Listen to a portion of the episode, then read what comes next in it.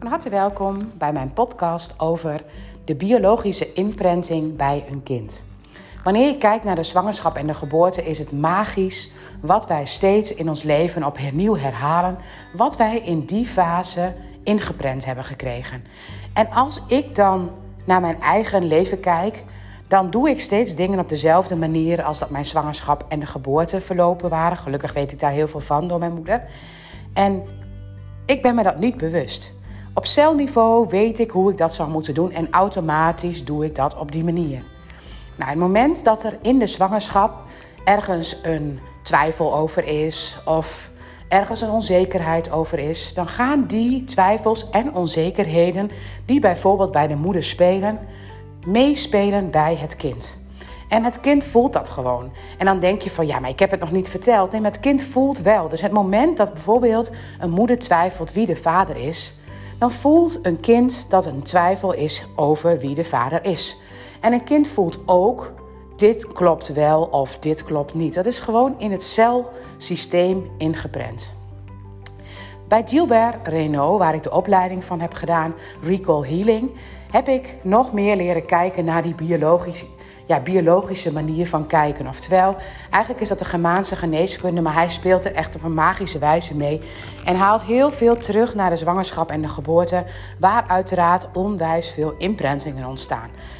Als je kijkt naar deze fase, en stel je voor, je bent als moeder, het twijfel je over wie is hier de vader, dan is het belangrijk om dat als feit te zien.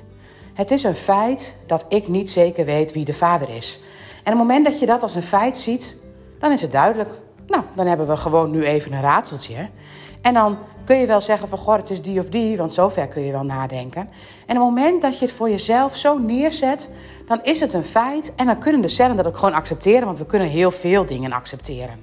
Maar het moment dat we proberen om dingen achter te houden, dus stel je voor, ik wil iets niet duidelijk maken, dan kun je bijna aan alles van mijn lijf zien dat het niet klopt wat ik zeg.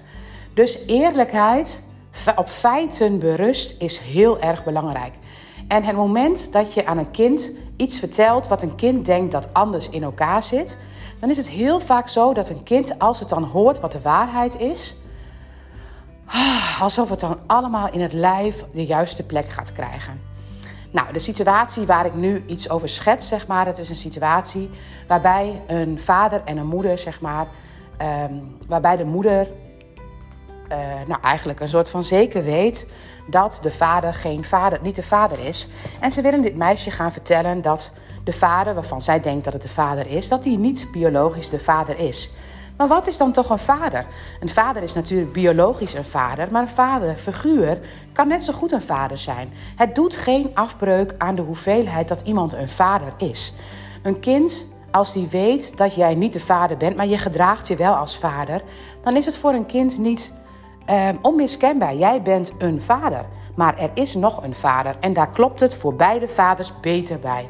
Dan weten ze hoe het in elkaar zit, wie is wel de biologische vader en wie is niet de biologische vader. En omdat je eerlijk daarover bent, ontstaan er allemaal magische systemen in positieve zin. Want stel je voor, en dit is een heel ander verhaal, maar het is wel een verhaal wat, eh, nou, wat je misschien beter zou kunnen begrijpen. Het moment dat er bijvoorbeeld in een gezin incest heeft plaatsgevonden, dan willen we dat natuurlijk zoveel mogelijk verstoppen. En als we dat verstoppen, en als je dat geheimpje zeg maar weet en je kunt het geheimpje eigenlijk niet voor je houden, of je hebt er heel veel last van en je hebt er hulp voor nodig en binnen het gezin is daar niet over gesproken en je weet eigenlijk niet zeker of jouw zus dat ook is overkomen, dan voel je al wat voor brei dat wordt. En dat wordt een brei die van binnen je echt ziek kan maken. Dat kan je echt ziek gaan maken dat je dat soort dingen niet precies weet.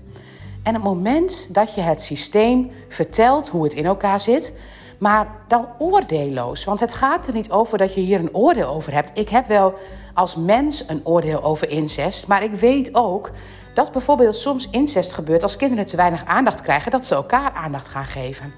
En nee, dat vind ik niet oké, maar het is wel het moment dat je weet dat het biologisch op een bepaalde reden gebeurt om blijkbaar de overleving te dienen, dan hebben, hebben wij geen oordeel meer te geven.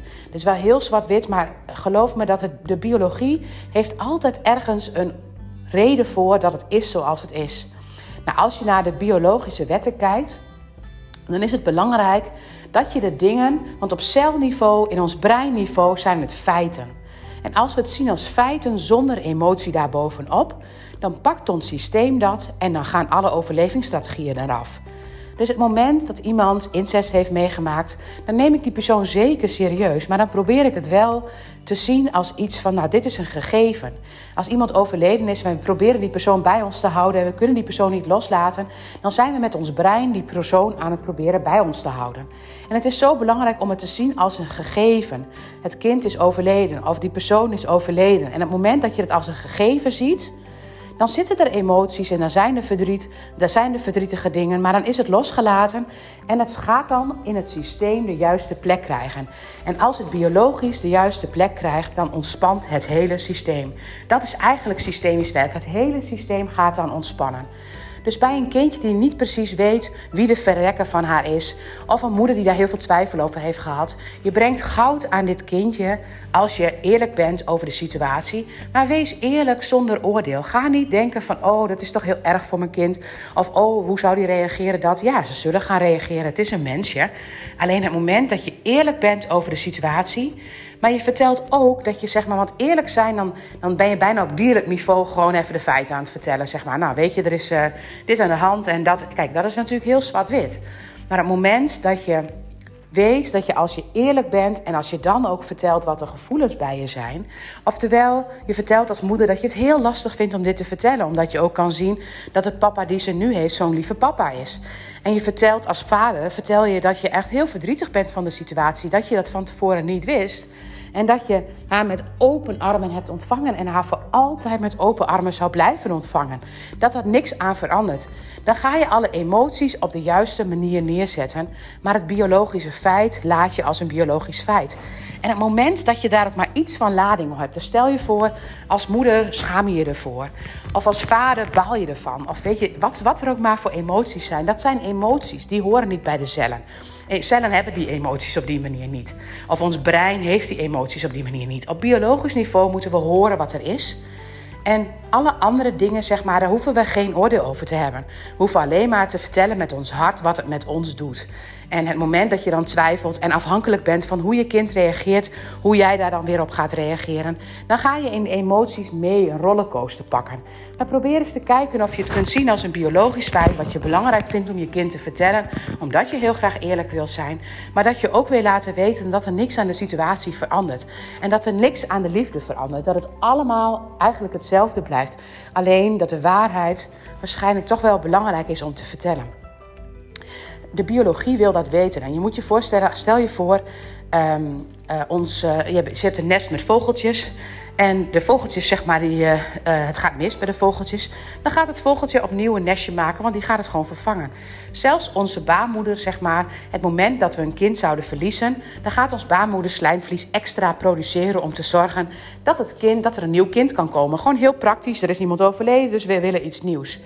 En zo zwart-wit denkt ons brein. Die denkt niet in verdriet, emoties, maar die voelt wel als iets niet klopt. En op het moment dat je het kloppend maakt door het te vertellen, dan ontspant het hele verhaal. Nou, dat heb ik nou al drie keer gezegd, denk ik. Maar het is wel belangrijk om dat te weten. Biologische feiten zijn feiten. Of het gaat om iets heel verdrietigs, of het gaat om iets heel naars, of het gaat om iets waar je verschrikkelijk om schaamt. Ga voor, je, voor jezelf voelen wat je allemaal voelt, want je hoeft daar geen oordeel over te hebben. En het moment dat jij het oordeel los kunt laten, dan is er ook geen oordeel. En ik denk dat dat de hele magie is. Probeer te zien dat de biologische feiten belangrijk zijn voor een kind om te weten. Dat het natuurlijk kan zijn dat het kind gaat reageren met misschien wel verdriet of met misschien wel boosheid of misschien met.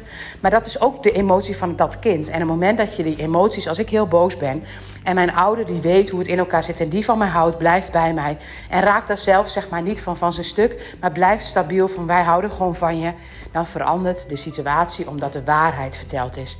En dat geeft op heel veel niveaus heel veel verandering. Nou, ik hoop dat jullie uh, hiermee geholpen zijn. En ondanks dat een gesprek over waarheden soms ontzettend moeilijk is om te vertellen. En dat je eigenlijk ook denkt van, oh jeetje, en wat nu en hoe moet het allemaal. Het moment dat je de waarheid vertelt, dan ga je merken dat er allemaal ontspanningen gaan ontstaan. En het kan zelfs wel eerst eventjes zeg maar, bijna ziekte in de hand werken, zeg maar, van verkoudheid, omdat het systeem helemaal gaat loslaten. Maar vertrouw er dan op dat het precies het juiste is wat je hebt gedaan. Want juist het vertellen, systemisch de juiste plek krijgen, dat heeft ontzettend veel voordeel. Dankjewel voor het luisteren.